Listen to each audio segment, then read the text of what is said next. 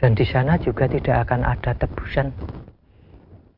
Tidak seperti di dunia ini, mungkin bisa dengan jalan ditebus, dengan jalan tebusan, itu bisa meringankan, bahkan bisa membebaskan suatu perkara.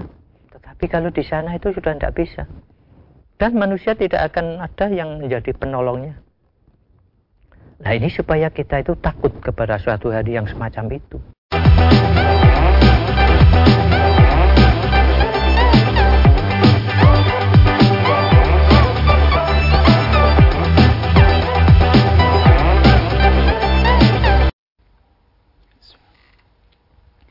Assalamualaikum warahmatullahi wabarakatuh. Pemirsa MTA TV di mana pun Anda berada Alhamdulillahirrabbilalamin Puji syukur marilah, marilah kita haturkan kehadirat Allah subhanahu wa ta'ala.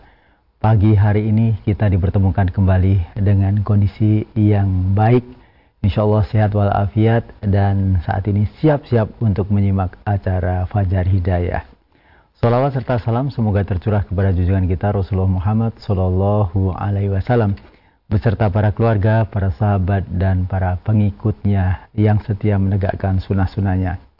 Pemirsa setiap hari acara Fajar Hidayah ini digelar antara pukul 5 hingga 6 pagi.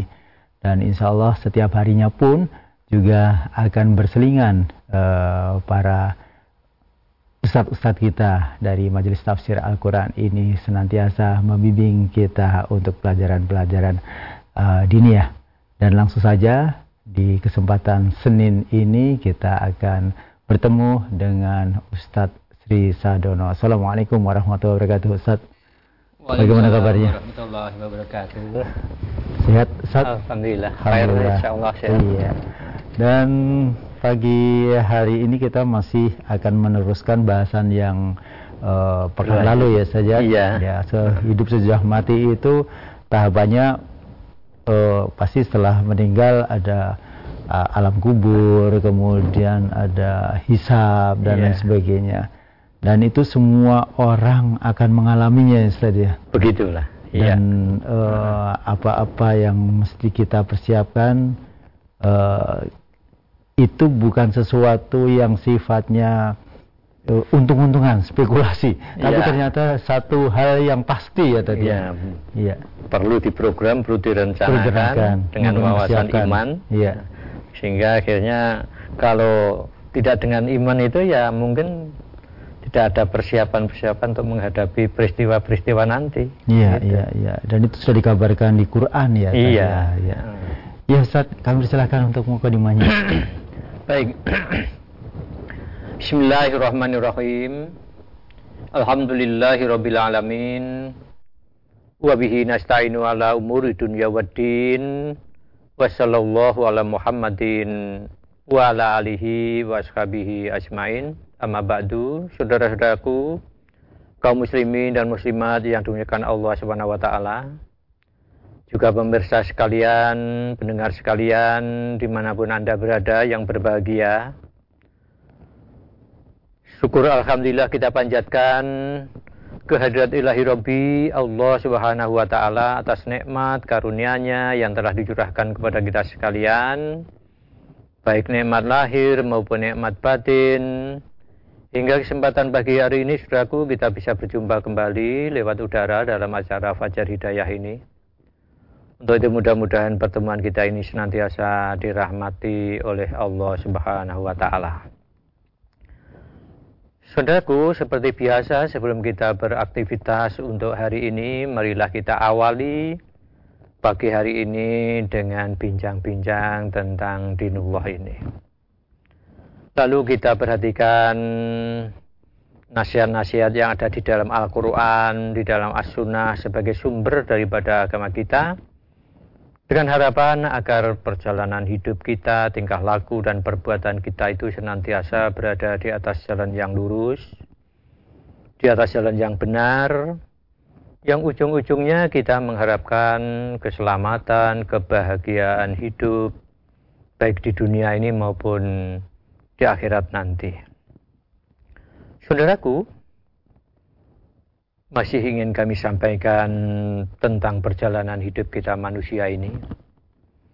Di mana hakikatnya semua manusia itu hakikatnya mengalami perjalanan hidup yang sama, yaitu sejak dari dalam alam arwah dulu, alam kandungan yang sekarang ini kita berada di alam dunia, yang mana alam dunianya alam pertengahan di dalam perjalanan hidup kita itu.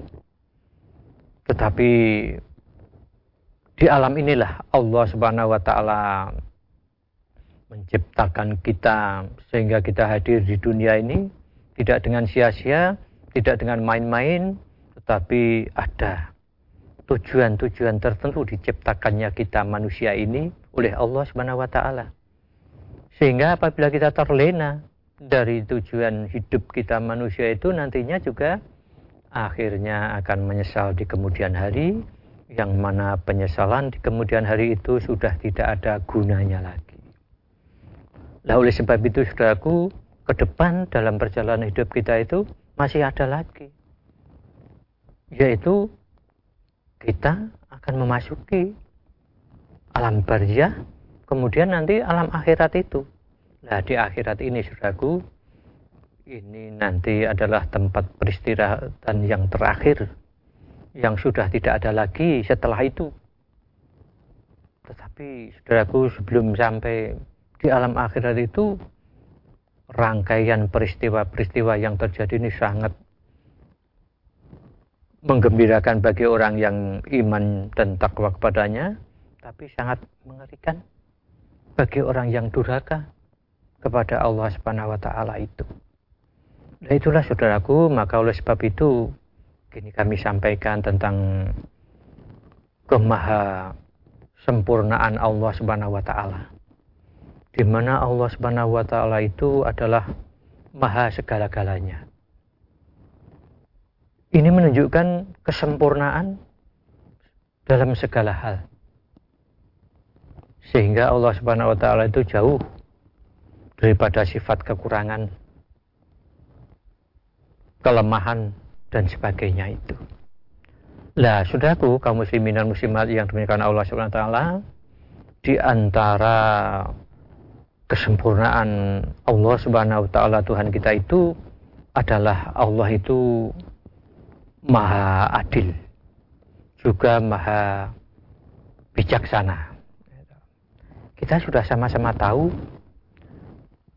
namanya keadilan itu adalah jauh daripada bentuk apa pun yang bersifat penganiayaan, merugikan, dan sebagainya.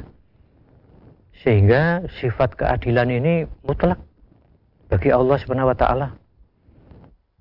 Dan kebijaksanaan itu boleh dikatakan meletakkan sesuatu itu ya pada tempatnya.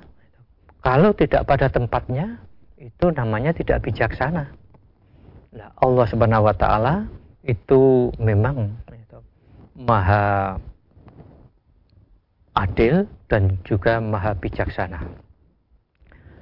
Saudaraku, di antara sifat-sifat keadilan yang melekat pada Allah Subhanahu wa taala itu adalah adanya hisab, adanya pertanggungan jawab atas perbuatan manusia itu. Sehingga saudaraku, manusia hidup ini tidak dibiarkan begitu saja berlalu, sudah habis perkara, kalau sudah mati, tidak. Masih ada suatu perjalanan hidup lagi yang sampai akhirnya nanti kepada hisab. Hisab itu nanti ketika akan menghadapi hari kiamat atau menghadapi hari akhirat itu.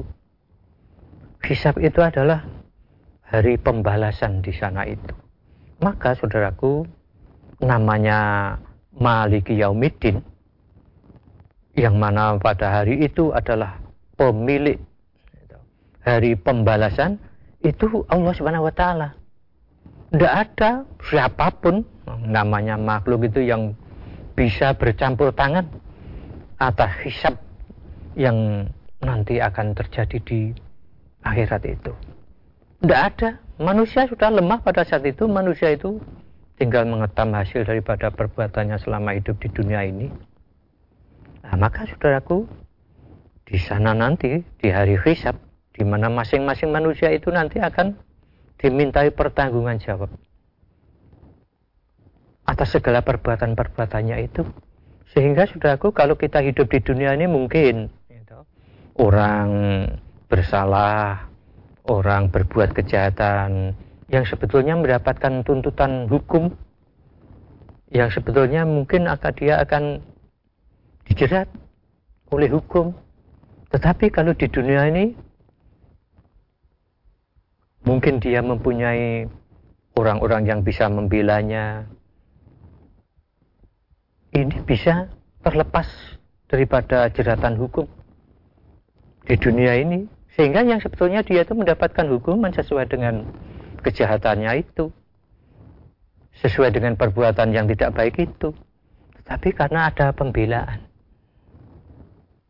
dari pihak lain sehingga bisa jadi yang sebetulnya dia itu menjadi orang terpidana, menjadi orang terhukum, bisa bebas. Ini dalam kehidupan kita di dunia, tetapi nanti di akhirat yang mana pada saat itu adalah Malik Yaumidin yang menguasai, yang mempunyai, yang menjadi raja pada hari pembalasan itu, Allah Subhanahu wa taala tidak sama dengan masa kehidupan kita manusia di dunia itu. Maka saudaraku di dalam Al-Qur'an itu dikatakan surat Al-Baqarah ayat 48 itu Wattaku yaumal tajri nafsun an nafsin syai'a wa la yuqbalu minha syafa'atun wala yu'khadu minha adalun wala hum takutlah kamu peliharalah dirimu daripada suatu hari yang nanti pada hari itu sudah tidak akan ada orang lain bisa membela orang lain itu. Tidak ada di sana itu pembelaan itu tidak ada. Dan nanti di sana itu sudah tidak ada manfaat. Tidak ada syafaat di dalam kehidupan di sana itu nanti. Dan di sana juga tidak akan ada tebusan. Tidak seperti di dunia ini mungkin bisa dengan jalan ditebus, dengan jalan tebusan itu bisa meringankan, bahkan bisa membebaskan suatu perkara. Tetapi kalau di sana itu sudah tidak bisa. Dan manusia tidak akan ada yang menjadi penolongnya. Nah ini supaya kita itu takut kepada suatu hari yang semacam itu. Supaya kita memelihara diri. Dengan apa kita memelihara dari keadaannya semacam itu? Ya dengan amal-amal. Amal kebaikan kita masing-masing itu. Nanti amal kita itu yang akan menemani kita sampai kita itu menghadapi sana itu. Bukankah Rasulullah sudah mengingatkan juga bahwa manusia itu apabila meninggal mayit akan dikubur itu kan ditemani oleh tiga hal. Yang mana dikatakan oleh Nabi itu dua kembali, yang satu akan terus menemaninya. Yang kembali apa? Yang kembali sanak, famili, kerabat, dan sebagainya itu, itu nanti hanya mengantar sampai ke makbaroh. Setelah itu kembali. Yang kedua hartanya, amalnya itu hartanya pun juga tidak akan turut dikubur tidak. Tapi kembali semuanya. Lah satu satu yang terus menemani seseorang itu sampai menghadap kepada Allah dan sampai menghadapi hari Malik Yaumidin itu tadi. Yaitu amal-amalnya itu. Amal yang baik amal yang buruk itu akan menemani terus. Sampai manusia itu nanti tahapan yang terakhir yaitu menghadapi mizan, menghadapi hisab itu. Nah, di sini saudaraku pada hari itu di mana sudah tidak ada pembelaan lagi satu dengan yang lainnya. Tidak akan ada orang lain membela walaupun itu bapaknya atau anaknya atau kerabatnya sudah tidak. Sehingga jangan dibayangkan kalau keadaan nanti di akhirat itu sama seperti kita di dunia ini tidak. Tidak akan sama keadaan semacam. Di dunia ini tidak. Nah, maka saudara-saudaraku kaum muslimin dan muslimat, kita hendaknya bersyukur kepada Allah Subhanahu wa taala. Di mana di dalam kesempatan hidup kita itu Allah memberikan hidayah kepada kita sehingga kita pandai memandang kehidupan itu sampai jauh ke sana. Jauh ke sana ke mana? Yaitu tahapan hidup yang terakhir kita itu. Nah, untuk menghadapi kehidupan kita nanti yang terakhir di akhirat itu, maka sejak kita di dunia ini sudah harus dipersiapkan untuk menghadapinya itu, yaitu dengan ketaatan kita kepada Allah swt dan ketaatan kita kepada Rasulnya. Dan untuk taat kepada Allah dan Rasul itu Bagaimana caranya? Ya kita itu harus mengaji dan mempelajari tuntunannya. Kita harus mengkaji, mempelajari Al-Quran maupun Sunnah. Karena memang inilah dengan jalan mempelajari, mengerti tuntunan Allah dan Rasulnya ini kita bisa taat kepadanya dan bisa menghindari segala larangannya itu. Nah di sini akhirnya pentingnya saudaraku kita terus bersanding dengan Al-Quran Sunnah ini terus belajar tentang Al-Quran dan As-Sunnah ini sehingga dikatakan oleh Nabi itu belajar mencari ilmu. Itu sejak kecil. Sejak kecil. Minamahti lalati sejak kecil sampai mati. Nah, inilah saudaraku maka tahapan-tahapan kehidupan ini hendaknya kita mengerti dan kejadian-kejadian yang akan datang hendaknya kita imani dengan sepenuhnya. Begitu saudaraku apa yang dapat kami sampaikan untuk kesempatan pagi hari ini. Itu. Baik, terima kasih Ustaz dan pemirsa di mana pun Anda berada telah kita simak uh, mukadimah dari beliau Ustaz Sri Sadono dan terkait dengan tema silahkan bagi Anda yang bertanya silahkan uh, di line telepon 02716793000 SMS WA ada di 08112 553.000 namun sebelumnya kita ikuti jeda pariwara berikut ini. Baik pemirsa di mana pun Anda berada, Anda masih menyimak sajian Fajar Hidayah untuk pagi hari ini. Dan uh, langsung saja untuk line telepon kami dahulukan uh, dua-dua ya nanti untuk yang telepon kemudian yang via SMS ataupun WA. Dan bagi penelpon yang sudah masuk, nanti mohon uh, audionya yang di rumah dikecilkan, baik TV ataupun radio agar komunikasi kita lancar. Langsung saja maksimal dua uh, pertanyaan. Halo, assalamualaikum warahmatullahi wabarakatuh. Ya, ya, bisa diulang ya untuk yang ada di telepon 02716793000. Dan kita langsung buka lagi untuk kesempatan pertama. Halo, assalamualaikum warahmatullahi wabarakatuh. Waalaikumsalam warahmatullahi wabarakatuh. Silakan Pak Adi Palembang ya. Silakan Pak Adi Palembang ya. Iya ya, Pak Adi hmm. Palembang.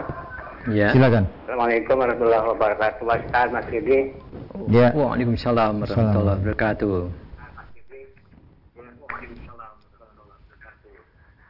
Maaf, pertanyaan ini di luar tema. Ini Pak Ustaz. Ya. Saya mau tanya masalah zakat. Hmm. Bagaimana zakat kalau disetorkan di dua tempat? Misalnya disetorkan di kelompoknya sendiri, yaitu kelompok kajian MTA, hanya sebagian disetorkan di masjid. Bolehkah begitu, Pak Ustaz? Mohon menjelaskannya. Terima kasih. Wassalamualaikum warahmatullahi wabarakatuh. Waalaikumsalam warahmatullahi wabarakatuh. Iya, jadi penyaluran zakat ke mana zakat kita itu disalurkan itu yang penting itu adalah sasaran. Ya, nah, sasaran ke mana zakat itu diberikan. Nah, sasaran zakat sudah sama kita maklumi yang terdapat di dalam Al-Quran itu surat Taubah ayat 60 itu ada delapan asnaf, ada delapan golongan itu. Jadi ada delapan golongan itu yaitu yang berhak untuk menerima ya menerima zakat itu. Lah untuk kedelapan golongan ini tadi melalui jalan misalnya dari tadi dua tempat itu boleh-boleh saja boleh, yang penting jangan sampai salah sasaran itu. Yang penting. Jadi artinya yang dipe, apa, diberi amanah untuk menyalurkan zakat kita itu ya betul-betul sesuai dengan petunjuk-petunjuk Al-Quran itu tadi. Sesuai dengan nasihat Al-Quran. Nah, kalau misalnya, misalnya, mudah-mudahan ya tidak. Kalau misalnya yang kita amanati itu tadi tidak amanat, artinya tidak sampai kepada yang delapan golongan itu. Nah, itu namanya tidak tepat pada sasaran tidak tepat pada sasaran maka yang penting itu itu adapun tekniknya itu akan disalurkan melalui apa siapa itu boleh-boleh saja yang demikian itu itu boleh melalui kelompoknya kalau punya kelompok memang kalau di majlis kita itu pola hidup kita itu memang yaitu mengembangkan namanya kebersamaan namanya kebersamaan, persaudaraan ini diutamakan. Nah, sehingga di, memang di majelis kita itu ya ada yang namanya kelompok-kelompok kecil itu di mana kelompok-kelompok itu nanti itu dijadikan sarana untuk mewujudkan hasil kaji kita, hasil di mana kita mengaji, mempelajari itu. Nah, di situ melalui kelompok itu kita wujudkan dalam bentuk amalan-amalan itu. Di sana kita bisa saling tawasul, ya, sehingga kita apabila dalam kehidupan ini mungkin ada pelanggaran-pelanggaran dari syariat, itu ada yang mengingatkan dengan senang hati dan ikhlas, ya, tidak dengan emosi dan hawa nafsu, tapi cara mengingatkannya dengan ya dengan senang hati ya, dalam rangka kecintaannya kepada saudaranya itu. Nah, sehingga dengan itu nanti diharapkan dia di kelompok-kelompok itu itu bisa terarah. Sehingga memang Islam itu tidak menghendaki manusia atau orang-orang Islam itu hidup namanya nafsi-nafsi itu tidak ada nafsi-nafsi itu sendiri-sendiri tapi memang kita itu hendaknya betul-betul mewujudkan namanya ukuah Islamiyah itu. Sebetulnya memang ukuah Islamiyah ini semua umat Islam itu ya tahu, tapi kadang-kadang hanya seperti slogan saja. Tidak bisa terwujud. Padahal sudah tahu.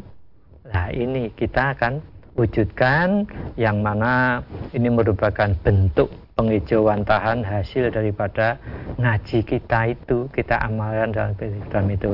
Nah sehingga kita sebagai seperti bapak tadi katakan melalui kelompok nah, atau melalui masjid ya boleh-boleh saja yang semacam itu. Begitu bapak yang dapat kami sampaikan. Ya.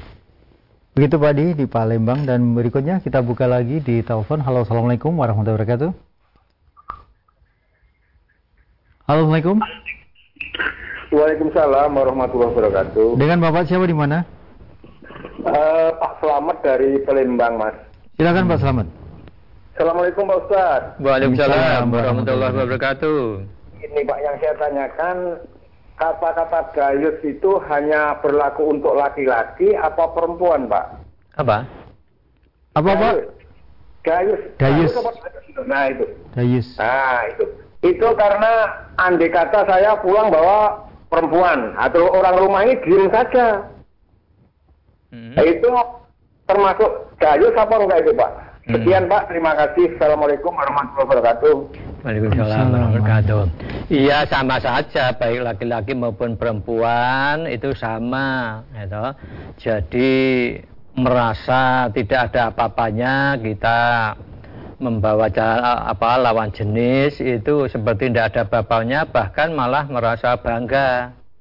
Nah itu itu merupakan satu pelanggaran berat yang demikian itu. Itu, itu sifat-sifat daripada orang munafik. Itu. Orang munafik itu apabila diajak untuk bertakwa kepada Allah itu malah dia itu semakin nekat diajak kepada kebaikan atau diingatkan dinasihati atas pelanggaran yang dilakukannya itu tidak istilahnya seleh, atau tidak seleh, tapi malah merasa bangga dengan kemaksiatannya itu. Jadi malah merasa bangga. Nah maka kalau kita itu merasa tidak ada apa-apanya, bahkan merasa bangga, membawa lawan jenis yang di bahwa pulang diadu itu wah ini ya itu merupakan hal yang tidak baik bagi kita sebagai umat Islam itu. Bahkan satu perbuatan yang bisa mengarah kepada kemunafikan itu. Itu bahaya. Orang munafik itu munafik itu cirinya di antara lain banyak. Ciri-ciri itu orang munafik banyak tapi di antaranya dalam surat Al-Baqarah ayat 206 itu dia itu apabila diangat diingatkan, diajak untuk bertakwa kepada Allah, itu, tawasau diberikan kepadanya karena perbuatannya, dia itu tidak mau menerima dengan baik, salah istilahnya, itu, menghentikan, tidak, tetapi malah justru dia malah menampakkan kebanggaannya di dalam berbuat maksiat. Bangga tapi bangga bukan bangga karena kemuliaan martabatnya karena keimanannya ketakwa. Tidak tapi bangga karena itu tadi kemaksiatan. Satu contoh misalnya ini yang yang gampang yang ringan yang anu misalnya itu diingatkan jangan berjabat tangan dengan lawan jenis itu itu tidak baik, itu melanggar aturan syariat. Misalnya diingatkan baik-baik, tapi dia tidak saleh. Dia tidak saleh, bahkan dengan rasa bangganya dia malah tidak hanya berjabat tangan, malah menciumnya. Ini namanya malah nekat. Malah nekat bahkan menunjukkan kebanggaannya di dalam berbuat kemaksiatan itu bawa pulang wanita-wanita ke rumah bangga dan sebagainya seolah-olah tidak apa-apa itu. Itu Ika ingat itu ada Malik yang mitin itu tadi yang saya terangkan di muka itu nanti kan ada hari pembalasan itu. Begitu. Ya. Baik demikian Pak Selamat jangan di Palembang. Dan pemirsa uh, saya beralih akan membacakan ke WA yang sudah dikirim oleh Ibu Rubiah Wiryo Tioso ya. Uh, Ustaz saya mau tanya, hmm.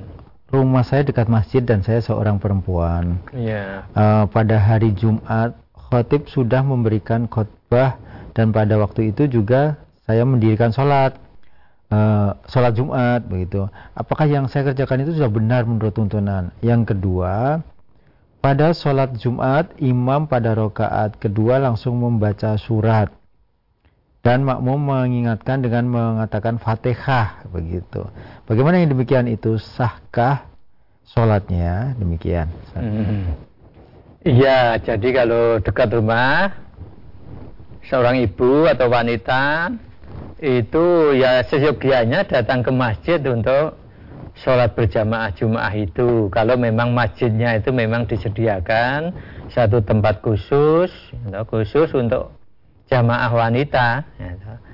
Kalau tidak ada ya gimana lagi? Kalau memang tidak ada lah itu nanti kalau tidak ada kan bisa campur istilahnya. Softnya itu tidak teratur karena tidak ada tempat khusus. Kalau di zaman Nabi masjid itu memang ya ada pintunya ya khusus, tempatnya ya khusus bagi wanita itu sehingga bisa masuk ke dalam situ sehingga pernah atau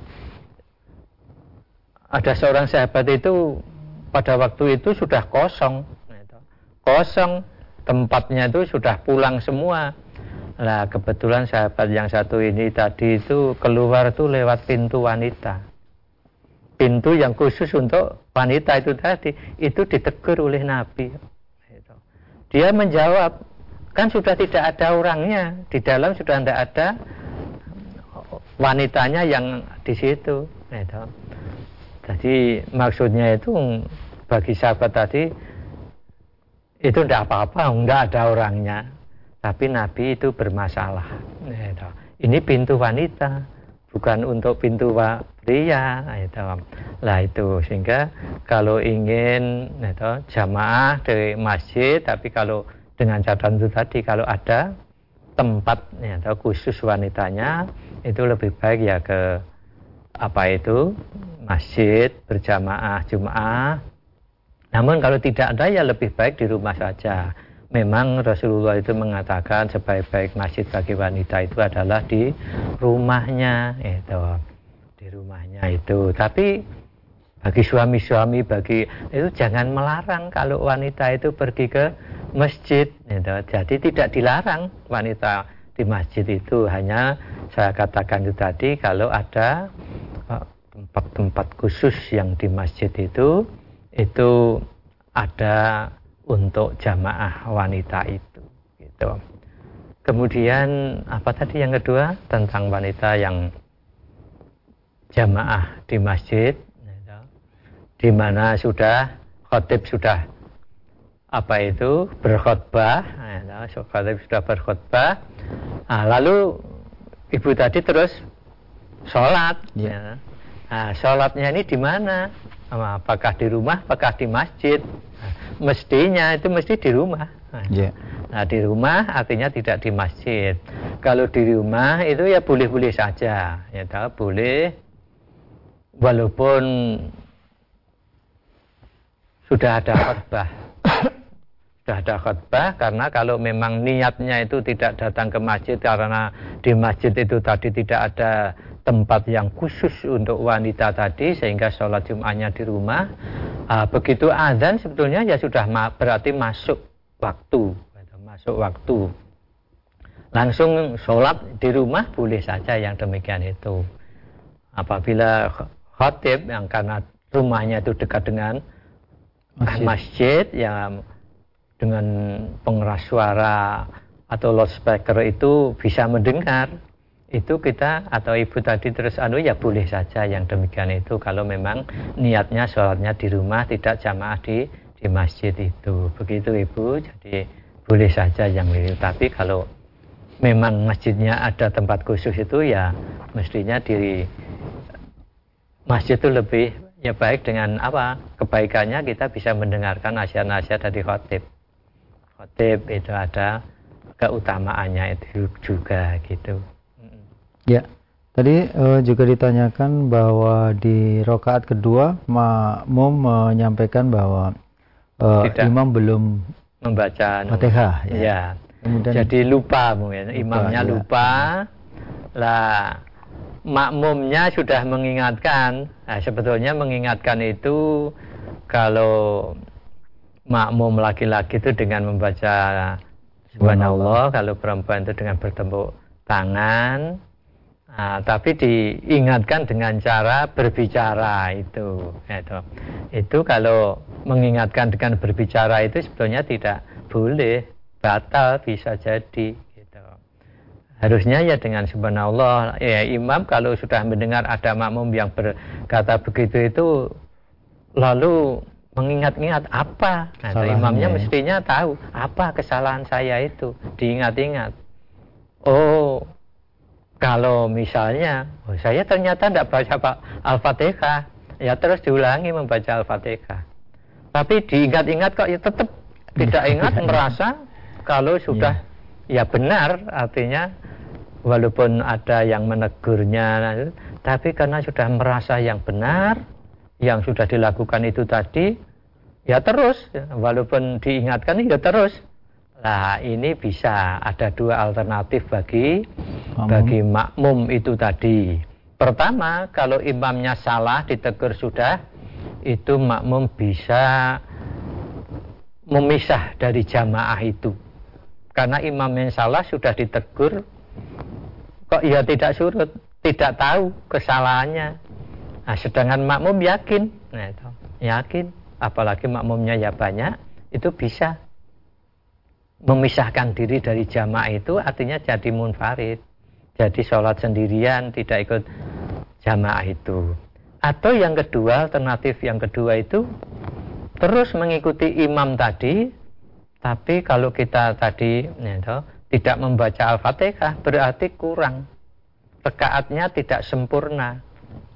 Maka nanti setelah imamnya itu tadi salam, kita menyempurnakan.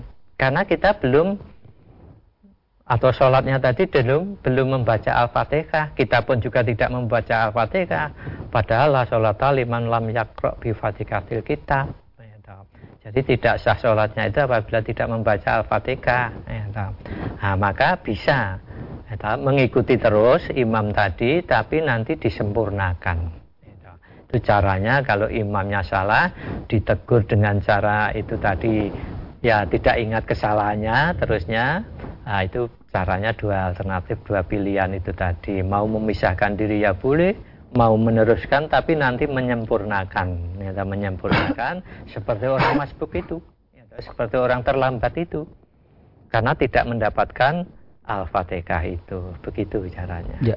Uh, kalau di kesalahan mungkin bisa subhanallah ya Ustaz ya. Yeah. Kemudian ketika mungkin lupa lupa untuk di suratnya, di ayatnya itu bisa kita mungkin mengingatkannya dengan melafatkan melafatkan ia menyambung.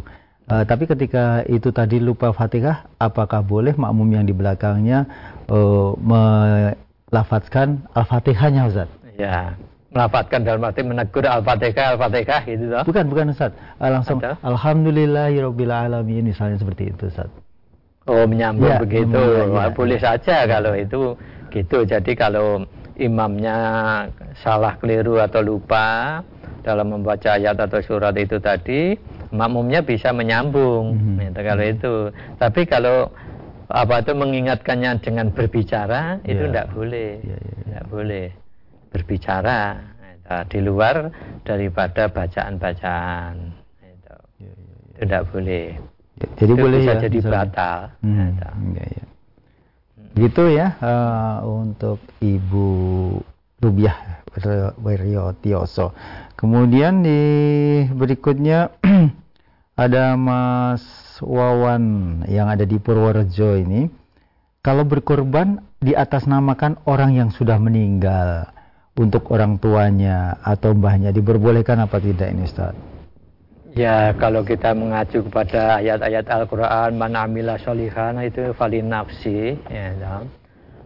Jadi apabila seseorang itu berbuat baik itu kebaikannya itu kembali kepada yang bersangkutan itu artinya orang yang berbuat itu ya, nah, sehingga kalau misalnya korban tadi di atas namakan kepada orang yang sudah meninggal itu, orang sudah meninggal itu tadi sudah tertutup. Artinya tertutup itu sudah tidak bisa menambah, sudah tidak bisa mengurangi amal-amal yang sudah dikerjakan itu. Sehingga syariat itu itu untuk yang hidup jadi untuk orang yang hidup syariat itu tidak untuk orang yang mati. Kalau sudah mati itu itu artinya dia sudah tidak berkewajiban melaksanakan syariat. Termasuk korban itu syariat. Nah, itu artinya syariat. Itu satu tuntunan yang itu juga untuk orang yang hidup. Nah, untuk orang yang hidup. Nah, sehingga nanti apabila di apa atas namakan kepada yang si mati itu tadi nah itu yang saya adalah kalau menurut Quran itu tadi kalau orang berbuat baik itu kembalinya ya kepada yang berbuat baik itu tidak kepada orang lain untuk orang lain dan sebagainya itu tidak gitu nah itu maka perlu dimengerti itu jadi kalau sudah meninggal itu itu artinya sudah terputus segala amal-amalnya, kewajiban-kewajiban melaksanakan syariat itu sudah tidak ada gitu. Begitu. Yeah. Baik, hmm. Ustaz terima kasih sekali uh, pagi hari ini sudah berkenan untuk membimbing kita-kita uh, belajar agama dan di kesempatan Senin selalu Ustadz Sisadono memberikan uh, bimbingan ini. Terima kasih Ustadz dan selamat beraktivitas kembali. Semoga sehat selalu.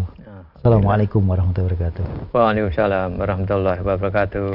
Pemirsa di mana pun Anda berada, hanya sampai di sini sajian Fajar Hidayah untuk pagi hari ini. Insya Allah kita akan bersua setiap hari di acara yang sama. Saya Rudi Arfianto, mohon maaf atas segala kesalahan. Alhamdulillahirrahmanirrahim. Subhanakallahumma wa bihamdika. Asyhadu alla ilaha illa anta. Astaghfirullah wa atubu ilaik. Bila taufiq walidayah. Assalamualaikum warahmatullahi wabarakatuh.